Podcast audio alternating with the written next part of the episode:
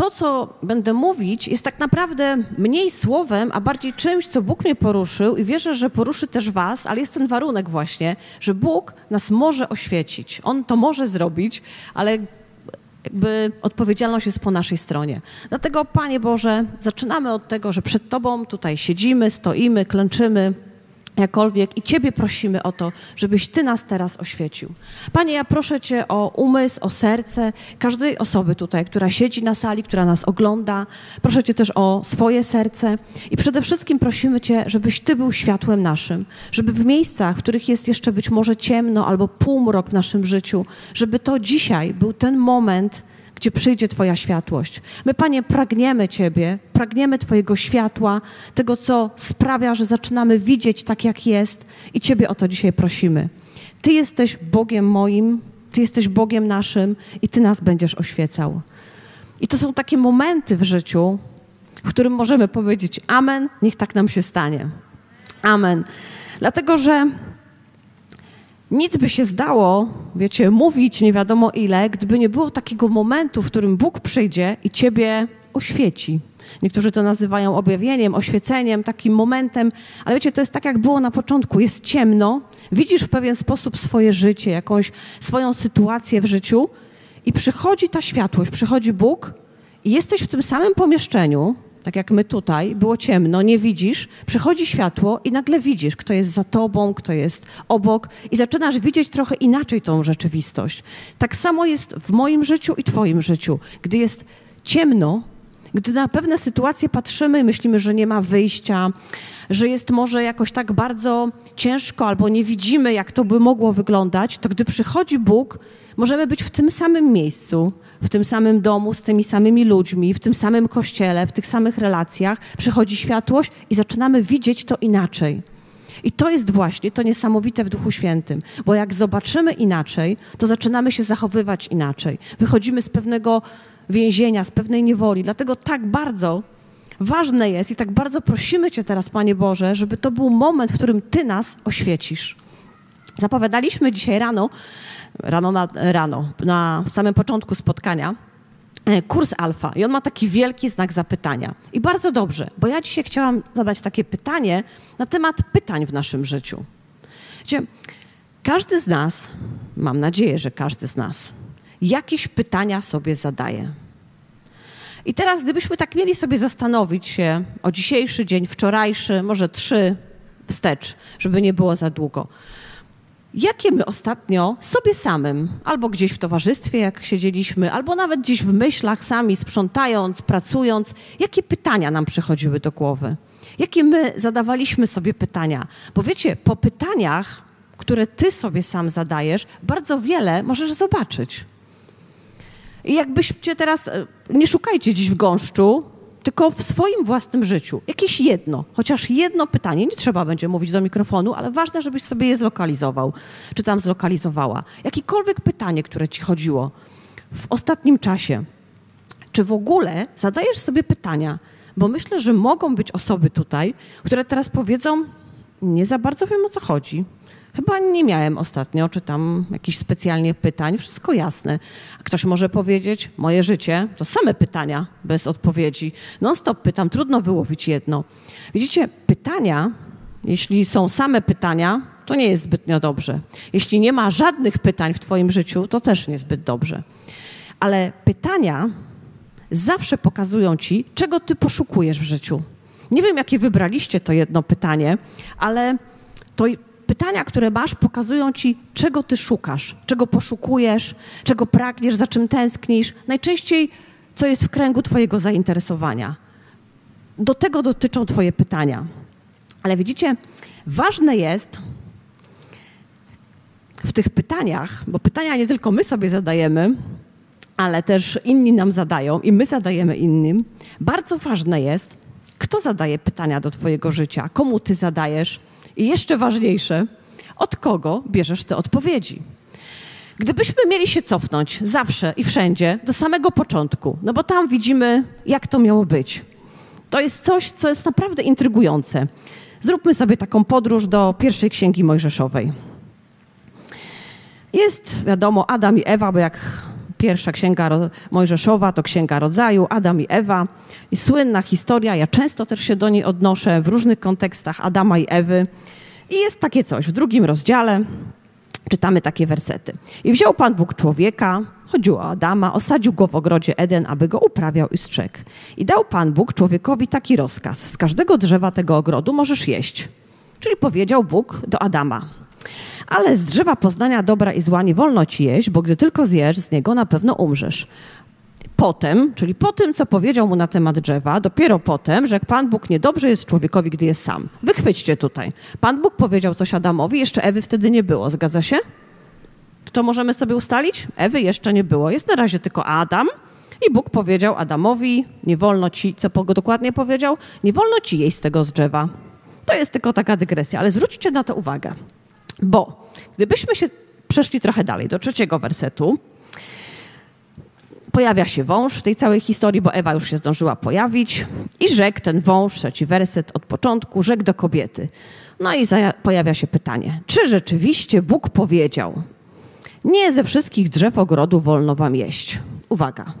Pytanie znane, ja nie, nie, nie trzeba o nim dużo opowiadać. A propos pytań, wychwytujcie, pojawia się pytanie, dlatego mówiłam, jak ważne jest, kto ci zadaje pytania, czy ich pytań słuchasz i jakich udzielasz odpowiedzi. Bo teraz przypomnijcie sobie, co czytałam wcześniej. Ewy jeszcze nie było, gdy Bóg mówił do Adama, tak? No ale Ewa, chcąc odpowiedzieć, bo wiecie, z diabłem się nie dyskutuje. No ale ona jakoś weszła w ten dialog, niedobrze się skończyło. Ale zobaczcie, czasami jak chcesz wejść i wyjaśnić coś przeciwnikowi, to nie jest to dobry pomysł. Bo powiedziała tak. Możemy jeść owoce z drzew ogrodu, tylko o owocu drzewa, które jest w środku ogrodu, rzekł Bóg. Nie wolno wam z niego jeść, nie mówiąc o tym, że ona tego nie słyszała. No Adam jej powiedział, no ale dobra, może powtórzył Pan Bóg, ale zobaczcie, coś dodała. Nie wolno z niego jeść, ani się go dotykać. To, co czytałam wcześniej, nic tak Pan Bóg nie powiedział. No oczywiście nie zakładał pewnie tego, że będą je sobie tylko chodzić i dotykać, ale jakkolwiek mały dodatek sprawił, że weszła w pewien dialog. Więc widzicie, jak ważne jest, żebyście wiedzieli, kto wam zadaje pytania i z kim wchodzicie dialog. I jak zobaczcie niepostrzeżenie, możemy nawet w dobrej intencji, bo myślę, że Ewa wtedy chciała, wiecie, obronić stanowiska Boga, dodać coś, w dialogu, dodać coś od siebie. Ona coś dodała, cytując, że to powiedział Bóg, nie powiedział tego. To się wydaje takie niuansowe, ale zobaczmy w naszym życiu, ile razy my się potykamy, cierpimy, bo ktoś coś dodał, bo myśmy coś dodali, małą rzecz. I zobaczcie, co odpowiedział diabeł. To jest ciekawe. Czyli ten wąż. Na to rzekł wąż do kobiety. Na pewno nie umrzecie. Widzicie, na pewno oznacza, że ktoś jest czegoś pewien. I my czasami jesteśmy tacy łatwowierni tam, gdzie nie trzeba, a oporni tam, gdzie powinniśmy, wiecie, niekoniecznie być oporni. Więc ona taka łatwowierna, skoro powiedział, że na pewno, to na pewno. Wiecie, ktoś może być przekonany do swojej racji i nie mieć jej obiektywnie. Wiecie, on coś powiedział, Ktoś ci może mówić pewne rzeczy, ty możesz być do czegoś przekonany, a obiektywnie może być trochę inaczej. Wiem, że to wszystko brzmi bardzo zagmatwanie, ale podążajcie za mną dalej i zobaczycie, że jest w tym sens.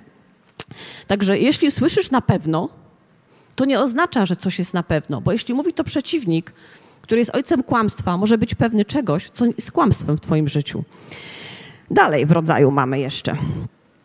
Dziesięć, zobaczcie co się stało, to już dalej wiecie, to nie trzeba tych historii opowiadać. Dla tych, którzy są po raz pierwszy, też nawet wiedzą, prawda, bo Adam z Ewą, no już wiecie, że zjedli. I potem nagle okazało się, że do tej pory biegali e, po raju, jak to jest powiedzenie, takich Pan Bóg stworzył, no a teraz się okazało, że, jak to pięknie jest napisane, otworzyły im się oczy i poznali, że są nadzy.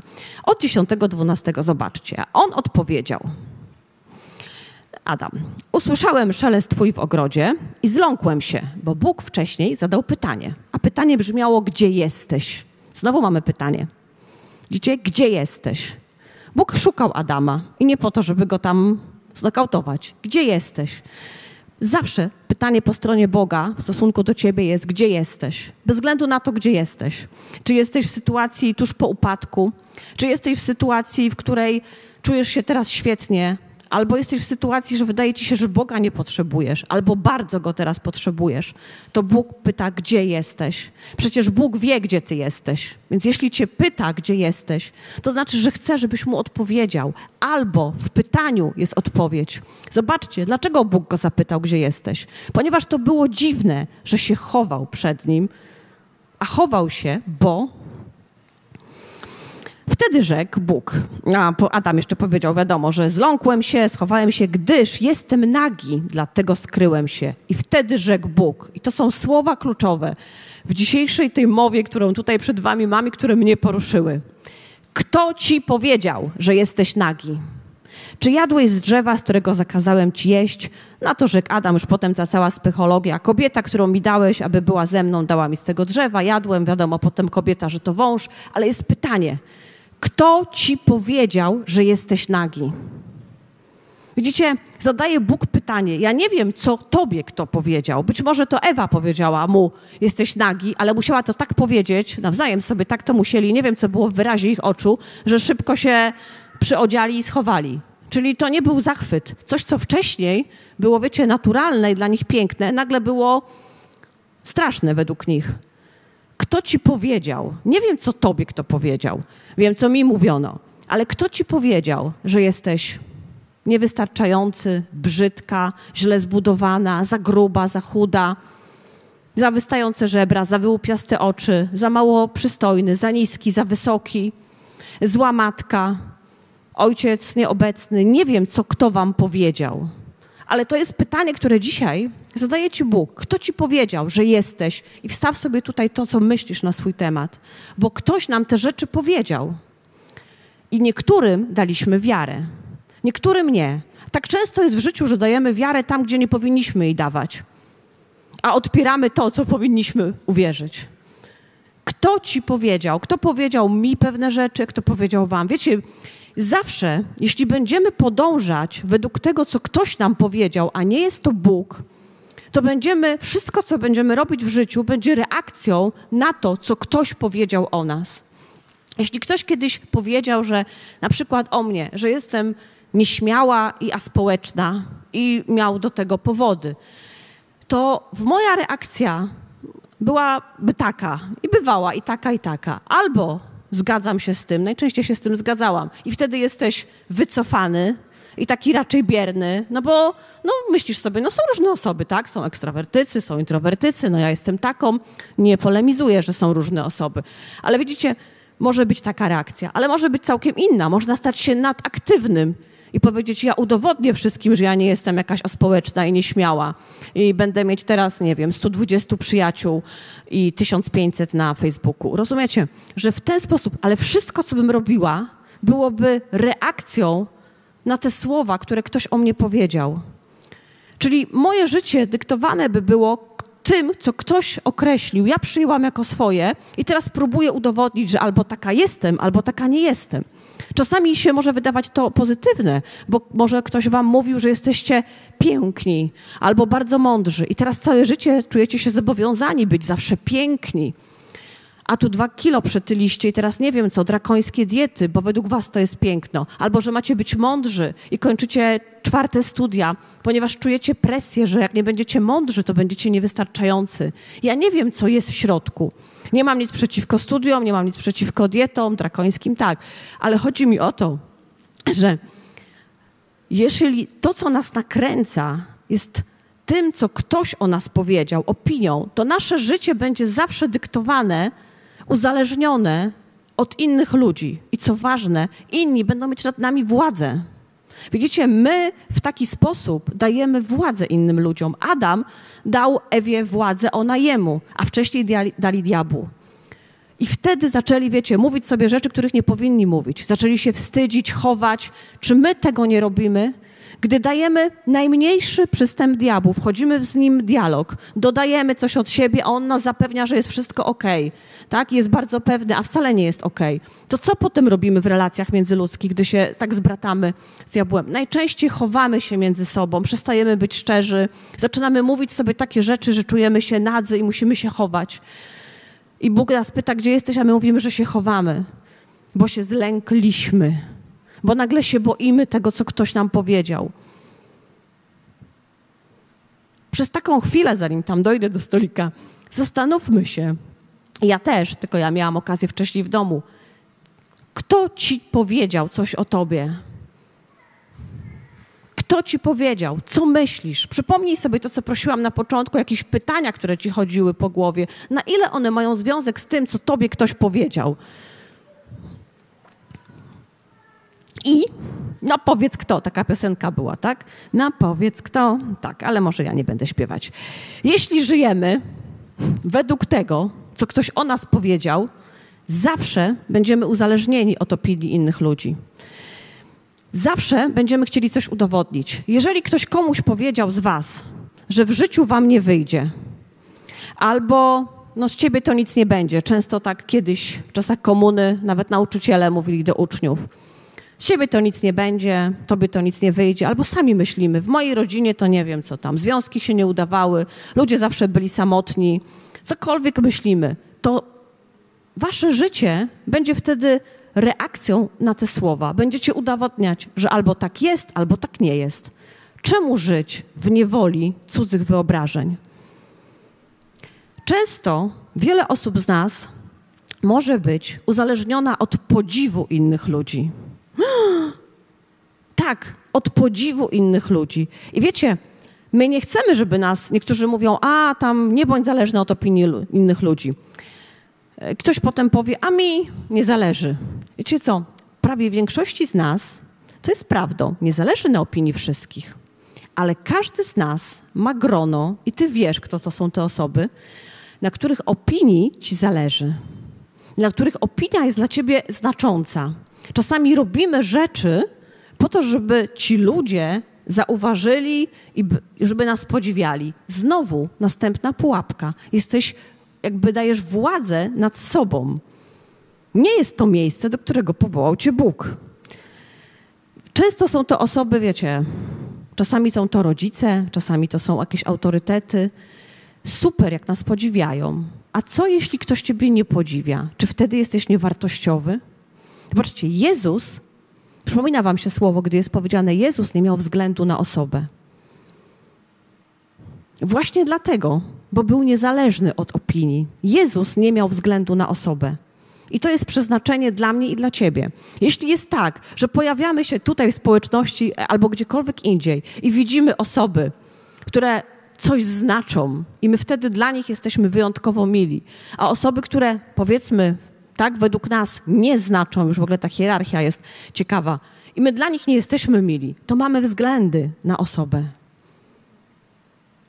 Widzicie, trzeba wyjść z tego uzależnienia od tego, żeby ludzie Ciebie podziwiali, żebyś czekał na te słowa, co kto o mnie powie. Czekaj na te słowa, ale niech one będą z góry. I zaraz do tego dojdziemy bo to, jak się domyślacie, jest treścią. Dlatego, że zabieganie o aprobatę nawet najbliższych nie jest Twoim powołaniem, ani moim. Bardzo kocham mojego męża, kocham moje dzieci, kocham wnuczkę. No właśnie, i teraz bym mogła rozpocząć drugie kazanie na ten temat. Ale jeżeli moje życie byłoby zależne od aprobaty ich, bardzo lubię. Oczywiście miejsce, w których podziwiają mnie. Byłabym chyba niezdrowa, gdybym nie lubiła. Ale jeśli na przykład teraz, to czym mam się podzielić, wiem, że odebrałam od Boga, a gdyby ktoś z nich powiedział, strasznie ci poszło. Oczywiście, żebym wysłuchała i chciałabym zapytać dlaczego, bo człowiek powinien się rozwijać. Ale czy to oznacza, że już nigdy więcej nie powinnam się podzielić czymś? Nie. Bo gdybym powiedziała to, że już więcej nic nie powiem, bo wam się nie podobało, to co by znaczyło? Że robię pewne rzeczy, żeby się komuś podobało. Widzicie, my mamy być otwarci na korektę innych osób, ale my mamy robić to, do czego Bóg powołał nas osobiście. My jesteśmy otwarci na korektę, bo my nie jesteśmy, wiecie, jakieś snoby z zadartym nosem i wszystko wiemy i nie mamy względu na osobę. Ale robimy, do czego powołał nas Bóg, słuchając też innych ludzi, ale jest ktoś pierwszy, bo inaczej wchodzimy w takie miejsce, że ktoś nam coś powie i będziemy się chować za krzaki. muszę dodać tą dygresję, no bo musi coś być o, o po prostu o wnuczce, że zobaczcie, to jest niesamowite, to mnie tak dotknęło, że rodzi się nowy człowiek, maluteńki, bardzo maluteńki, no rodzice są oczywiście przeszczęśliwi, dziadkowie też, ale nikt, ani rodzice, ani dziadkowie jedni, ani drudzy, ani ciocie, nic jeszcze nie wiemy przecież, co ta kruszynka uczyni, tak? Nie wiemy, jakie podejmie decyzje. Może takie, które nam się nie będą podobać, a może takie, które nam się będą podobać, ale wszyscy już ją tak bardzo kochamy. I to nie ma znaczenia, co zrobi. Zobaczcie, jak o wiele bardziej Bóg kocha nas bez względu na to, co zrobisz. Nikt nie jest w stanie wyrwać miłości. Ja już wiem, że cokolwiek by to dziewczę nie zrobiło, to mojej miłości nie straci. To jeżeli ludzie, tacy ułomni, potrafią takie rzeczy doświadczać, to co dopiero wielki Bóg. Rozumiecie? Nic nas nie wyrwie z Jego serca, cokolwiek byśmy nie zrobili. I tego nas uczy zawsze nowe życie. I czasami, gdy się pojawia, warto to sobie przypomnieć, gdy to jest tak blisko. Ale wracamy. Więc nie dajemy władzy innym osobom, ponieważ Jezus nie miał względu na osobę i nigdy ci nie powiedział, że masz być najlepszy tak, masz być wystarczający. Bo my się z nikim nie ścigamy. Teraz po prostu wszystkie te jakieś tam, masz być najlepszym uczniem i tak dalej. Rób to, co jest najlepsze według Twoich możliwości. Nigdy nikt nie powiedział, że masz być najlepszy, masz być wystarczający, ponieważ Bóg powiedział, jesteś wystarczający. Wiecie, gdy wchodzimy w takie coś, że chcemy być najlepsi, to znaczy musimy, ktoś musi być gorszy. A my możemy być wszyscy tutaj najlepsi. Psalm 118,8 mówi tak: Lepiej ufać Panu niż polegać na ludziach. Co nie oznacza, że nie należy polegać na ludziach, tylko jest powiedziane lepiej. Jest lepiej. Coś jest gorzej, coś jest lepiej. Lepiej, mówi psalm, polegać na Bogu niż ufać ludziom. I przechodzimy do meritum i kończymy. Tak, bo a propos tych pytań. Zobaczcie, ja sobie i zachęcam Was, żebyście to zrobili, zrobili sobie, to już odkładamy takie, takie ćwiczenie. Przeczytałam sobie wszystkie Ewangelie pod kątem pytań. Można przeczytać całą Biblię, no ale tyle nie zdążyła. Y, szukając tylko pytań, notując. Tak w ogóle w życiu zdążyła. No, pytanie Ewangelii. Zobaczcie. Jak miło. Zawsze mi się. Ja się napiję jak się czegoś nie nauczymy, to przynajmniej się dobrze pobawimy, nie? E, ale wracając, przeczytałam sobie te pytania. W pytaniach często jest odpowiedź. W Ewangeliach mamy pytania. Pytania, które zadawali ulubieni faryzeusze. Pytania, które zadawali ludzie, uczniowie, uczniowie Jezusa, uczniowie Jana. I oczywiście pytania, które zadawał Jezus. I każdy zadawał inny rodzaj pytań. Pamiętacie, jak mówiliśmy kiedyś o historii o ojcu który powitał marnotrawnego syna. I mówiliśmy o tym, że my mamy być jak ojciec, bo już byliśmy jak syn. Jezus nas przyjął, tak? Bóg Ojciec nas przyjął dzięki temu, że Jezus kiedyś umarł i my teraz mamy taką postawę wobec innych, przebaczającą. I w tych pytaniach my często odnajdujemy się, ja niestety pokutuję tutaj, często odnajduję się w tych, co pytają uczniowie albo nawet faryzeusze. A my mamy być jak Jezus. Faryzeusze w tych wszystkich pytaniach szukali najczęściej, co nie działa i kto jest winny, kogo potępić i kogo tu najlepiej wystawić na środek, że to on zawinił. Wiecie, czyli wszędzie szukali, że ktoś musi być gorszy, bo wtedy oni się okazywali lepsi. I my tak często mówimy, ach, ble, bre, faryzeusze. Nie wiem jak wy, ale ja się czasami łapię na tym, że kiedy wychodzą słabości innych, to mi się wydaje, że moje są mniejsze. Guzik prawda. Może się do tego nie przyznajemy, no ja się przyznaję publicznie. Wiecie, czy zawsze się cieszymy z sukcesów innych ludzi? Myślimy sobie, ble, ble, tak, faryzeusze. A często w ich pytaniach możemy odnaleźć siebie. Porównywali się, dlatego musieli kogoś umniejszyć, żeby poczuć się lepiej. To robi porównywanie. I zazdrościli. Zazdrościli uczniom, zazdrościli Jezusowi tego luzu i wolności ale sami nie potrafili być luźni, więc musieli to krytykować. Zazdrość zawsze popycha do krytyki. Jeżeli jesteś osobą krytyczną, to znaczy, że zazdrościsz. I wiem, co mówię. Naprawdę. Wiem, że to wygląda jakbym po prostu, jak ktoś mi nie wierzy, można sprawdzić, moje notatki są z sierpnia 2020 tego roku. Miałam to powiedzieć w Mikorzynie, ale jakoś nie wyszło. I mówię to teraz. Często miałam w życiu momenty, gdy byłam o coś zazdrosna. I zawsze wtedy prowadzi to do krytyki. Jak niewypowiedzianej, to przynajmniej w mojej głowie. Dobrze, koniec grzechów moich. Teraz wy zapraszam. Uczniowie. Uczniowie mieli pytania i koniecznie chcieli się dowiedzieć, czy Jezus to jest Jezus, czy oni dobrze wybrali. Czy to, że zdecydowali się za nim pójść, to oni dobrze na tym wyjdą. Bo jeśli się okaże, że on to on, to dobrze, że idą. Ale gdyby się okazało, że on to nie on, to średnio na tym wyjdą. Więc ich pytania dotyczyły tego, czy nie odnajdujecie siebie często, czy na pewno to wszystko, co Jezus powiedział, to on to jest ten, bo inaczej to jesteśmy niezbyt dobrym miejscu. Jeśli to on, to jesteśmy w dobrym. Czyli Jezus ma nam udowodnić, że to on jest Mesjaszem. I Jezus, wszystkie jego pytania były głębokie, tak głębokie, po prostu sięgały o serce, o duszę, o myśli. Najczęściej w ogóle nie był zajęty rozmyślaniem o sobie i o tym, jak, jak po prostu tam, wiecie, czy na pewno go ukrzyżują, czy nie ukrzyżują. Był zajęty, co się dzieje w sercu drugiego człowieka. No to wam przeczytam kilka pytań ludzi i uczniów. Czy ty jesteś tym, który ma przyjść, czy też mamy innego oczekiwać? Widzicie? Ile razy odnajdujesz siebie? Czy to jesteś ty? Czy to nie jest syn Dawida, syn Józefa, bracia, czy tu jego bracia i siostry nie są wśród nas? Dlaczego mówisz do nich w podobieństwach? Skądże mamy wziąć na pustkowiu tyle chleba, aby nakarmić takie mnóstwo ludzi? To jest pytanie często, które nam się pojawia. Skąd mamy to wszystko wziąć? Skąd mamy wziąć na wszystko? No skąd mamy? Jak mamy pomóc ludziom? Jak mamy wykarmić rodzinę? Skąd mamy wziąć? Panie, ile razy mam odpuścić bratu memu, jeżeli przeciwko mi zgrzeszy? Czy aż siedem razy? Ich pytanie. Czy to nie jest nasze pytanie? Co znowu? Znowu mam przebaczyć? Znowu tej osobie? Tak, znowu. To, aha, czy mi chcecie dać, e, przepraszam, co mi chcecie dać, a ja go wydam, to Judasz. No to handelek. Od tego się czujemy daleko, ale czy niektórzy z nas nie handlowali kiedyś z Panem Bogiem? Ja dla Ciebie to, ja codziennie Biblię, ja modlitwę, a Ty mi wtedy to, ja Tobie to, a Ty mi to, ja Tobie dziesięcinę, Ty mi dobrobyt. Wiecie, tutaj tak się nam wydaje, że Judasz jest tak bardzo daleko. No cóż, na cóż ta strata olejku? Czemu jest celnikami i grzesznikami? To jest dobre. Czemu je? Przecież to oni, jak nie chcieli, to nie musieli jeść. Czemu ich zajmowało, kto z kim je? Ja się czasami łapię. Czemu mnie zajmuje, kto się z kim spotyka i co robi? Wiecie, czasami mnie to zajmuje.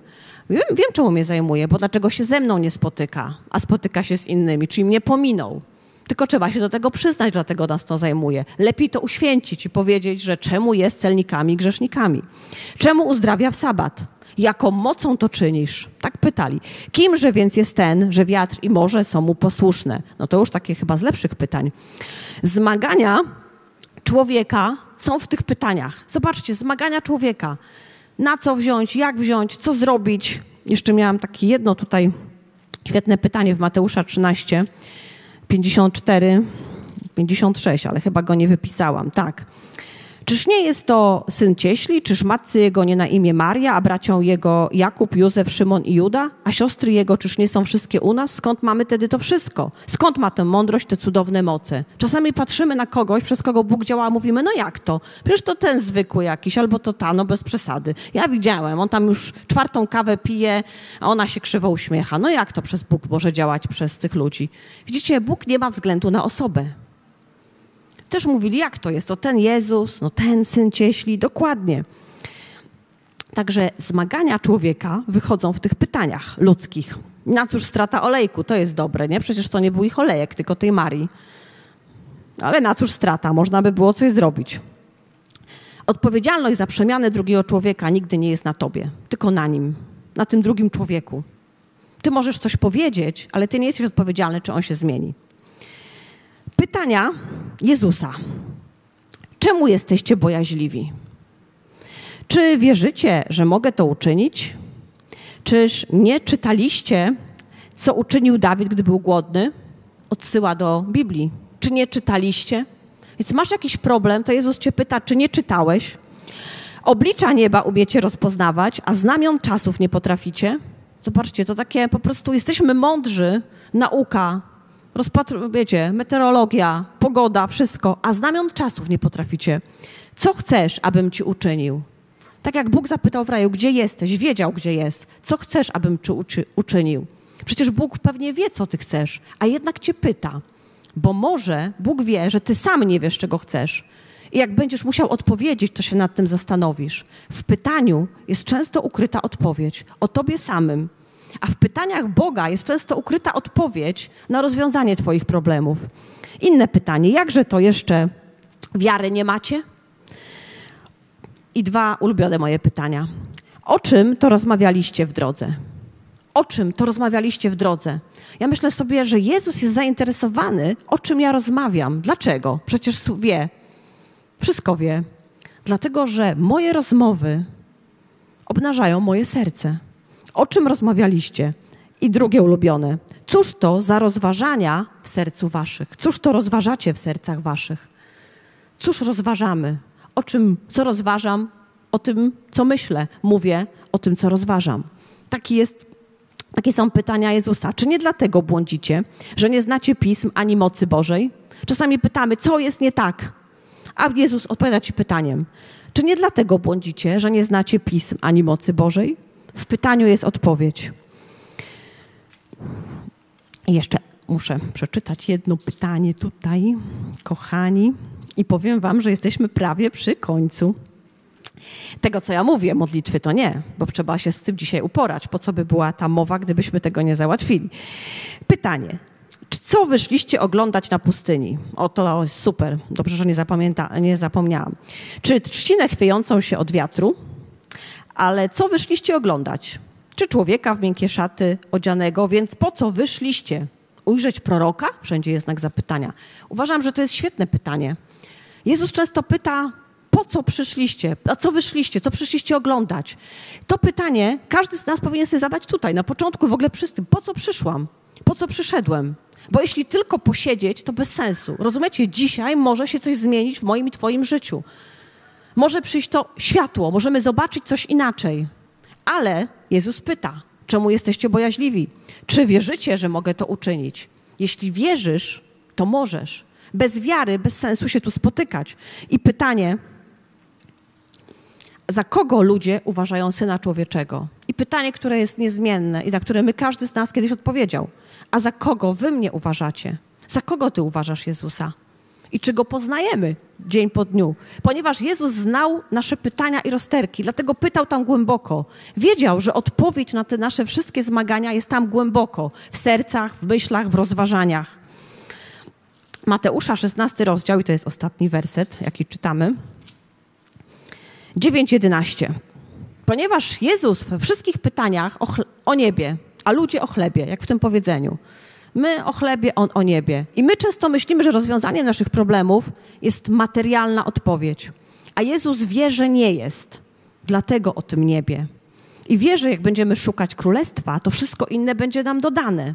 Dlatego chce nas do tego uwolnić. Nie chce, żebyśmy byli niewolnikami opinii ludzkiej, posiadania. Nawet gdy jest brak, można być związanym posiadaniem. I Bóg chce nas z tego uwolnić. Chce przyjść dzisiaj i powiedzieć: ja chcę Ciebie oświecić, ponieważ taką mam moc. Nikt z nas tu nie ma tej mocy, ale Bóg ją ma. Tak jak chłopaki, które operują światłem, mają moc, ja jej tu ze sceny tego nie zrobię. Oni mają moc, żeby zapalać te światła i gasić. Tak Bóg ma moc, żeby oświecić w Twoim życiu pewne rzeczy. Małowierni, czemuż rozprawiacie nad tym, że chleba nie macie? Jeszcze nie rozumiecie ani nie pamiętacie tych pięciu chlebów dla pięciu tysięcy, ile koszu, koszów zebraliście? Ani tych siedmiu chlebów dla czterech tysięcy. Ile koszów zebraliście? Jakżeż to jest, że nie rozumiecie, iż wam nie o chlebie mówiłem? Czyż jeszcze nie rozumiecie, pyta Jezus, że chodzi o coś więcej niż o ten chleb? Że było pięć bochenków, a wykarmiliśmy pięć tysięcy, że niemożliwe dla Boga nie istnieje. I o tym mówi. Czyż nie rozumiecie? Być może przyszliśmy tutaj z problemami, takimi jak pięć chlebków na pięć tysięcy ludzi. Ale Bóg mówi, czy nie rozumiecie? Bóg mówi pytaniami do ciebie dzisiaj. Czemu bojaźliwi jesteście? Jesteśmy. Czy nie rozumiecie, że chodzi o to, że przyszedł ten dzień, w którym można zacząć wierzyć na całość?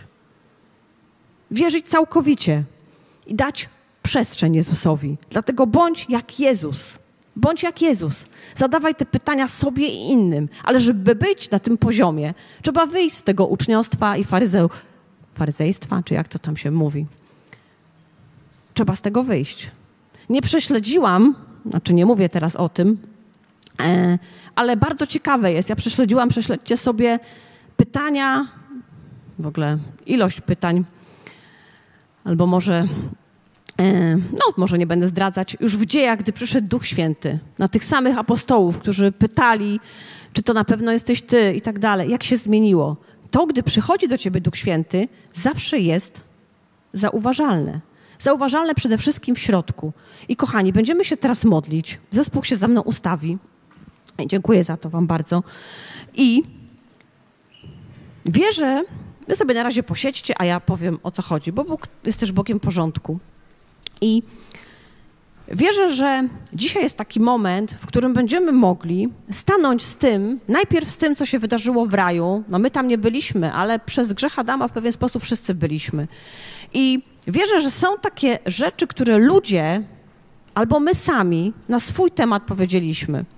I dzisiaj to pytanie, kto ci powiedział o tobie, że jesteś taki, że jesteś taka i owaka, wiecie, że niektóre rzeczy wiemy, bo mówię też o sobie, funkcjonują w myśleniu o nas i one nie są od Boga. Bo Bóg, gdyby miał patrzeć przez pryzmat naszych zdolności, to jedne są mniejsze, jedne większe, ale wszystkie są mało warte wobec Jego zdolności.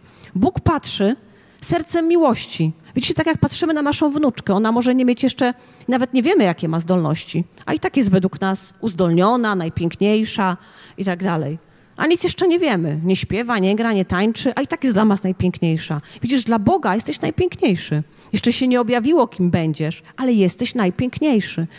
Tak cenny, że złożył za ciebie życie. Dlatego dzisiaj wierzę, że Bóg nas pyta, kto ci powiedział, że jesteś nagi? Kto ci powiedział, że jesteś niewystarczająca? Kto ci powiedział, że jesteś brzydka, że będziesz całe życie samotna? Kto ci powiedział, że tobie to nigdy interesy nie wyjdą, że będziesz zawsze biedny albo biedna, albo że twoje relacje będą się rozpadać? Albo kto ci powiedział, że nigdy nie znajdziesz chłopaka, albo nigdy nie znajdziesz odpowiedniej dziewczyny? Widzicie, to jest tak ważne, bo jeżeli wierzymy w te rzeczy, to wikłamy się w relacje, które są namiastką tego, co Bóg zaplanował. A On zaplanował dla nas niebo. Dlatego powstańmy Będziemy to robić w ten sposób, że wierzę, że wśród osób odpowiedzialnych w tym kościele są jakieś słowa, być może poznania, które będą mogły, mogli powiedzieć tutaj do mikrofonu. Jeżeli jesteś poruszony w tym, co ktoś będzie mówił, to oczywiście, jeśli potrzebujesz, żeby ktoś się za ciebie pomodlił, oczywiście z, z normami wszystkimi bezpieczeństwa, ale wiesz, że to jest ten moment, to wyjdź tutaj do przodu i ktoś z osób odpowiedzialnych liderów się za ciebie pomodli. Jeżeli nie, jest, nie ma jakiegoś słowa dotyczącego ciebie, ale ty wiesz, że to jest ten moment i chcesz wyjść i wyznać coś Bogu i żeby ktoś się za ciebie pomodlił, to też jest ten czas i można tutaj podchodzić. Rozumiecie? My będziemy się tutaj modlić cały czas, ale wy w tym czasie możecie tu podchodzić, jeżeli ktoś potrzebuje modlitwy, módlcie się tam na miejscu. Teraz chciałabym, żebyśmy pomodlili się wszyscy razem kontekście tych słów, żebyśmy powiedzieli Bogu te rzeczy, które ktoś powiedział na nasz temat, albo które my myślimy o sobie, a wiemy, że są niewłaściwe, i powiedzieli: Chowam się w tych krzakach, bo tak mi powiedzieli inni, ale dzisiaj przychodzi koniec tego, ponieważ Bóg przychodzi ze swoim światłem. On ma taką moc. Panie, my przychodzimy tutaj do Ciebie, jesteśmy w Twojej obecności. Ty jesteś, Panie, wśród nas. Twój Duch Święty się porusza. Za to Ci dziękujemy. I teraz zapraszamy Cię w te miejsca, które są ciemnością naszą, za te miejsca, które są trudem, za te miejsca, które są bolące w naszym życiu. Panie, przynosimy przed Twój tron te wszystkie słowa, które ktoś powiedział o nas lub które my powtarzaliśmy sami I przyjmujemy dzisiaj Twoje pytanie, kto Ci powiedział, i chcemy powiedzieć, że tych słów, które nie są od Ciebie, my się wyrzekamy, my się od nich odcinamy. Nie chcemy, żeby one były naszą tożsamością. I my, Panie, prosimy Cię teraz tutaj o Twoją tożsamość. Tożsamość z nieba, dla tych, których jeszcze brakuje. I dla nas, którzy czujemy się Twoimi dziećmi, abyś oświecał to wszystko, co jest jeszcze schowane przed Tobą. Panie, otwieramy Tobie każdy zakamarek naszych myśli, naszych rozmów, naszych rozważań. Pokaż nam miejsca, które potrzebują uzdrowienia i Panie, dotknij ich teraz. My wierzymy, że dla Ciebie czas nie istnieje. I teraz w tym czasie jesteś w stanie uczynić wiele, bardzo wiele. Tak jak pięć chlebów na pięć tysięcy jesteś w stanie, ponieważ dla Ciebie nie ma niemożliwego. Dziękuję Ci za Twoją łaskę, za to, że dotykasz teraz ludzi. Dzięki za odsłuchanie podcastu Kościoła Wrocław dla Jezusa. Przesłanie było dobre, prawda? Gwarantujemy, że to nie tylko teoria. Teraz Twój ruch, by zastosować je w swoim życiu. Jeśli chcesz dowiedzieć się o nas więcej, odwiedź stronę wdj.pl. Do usłyszenia!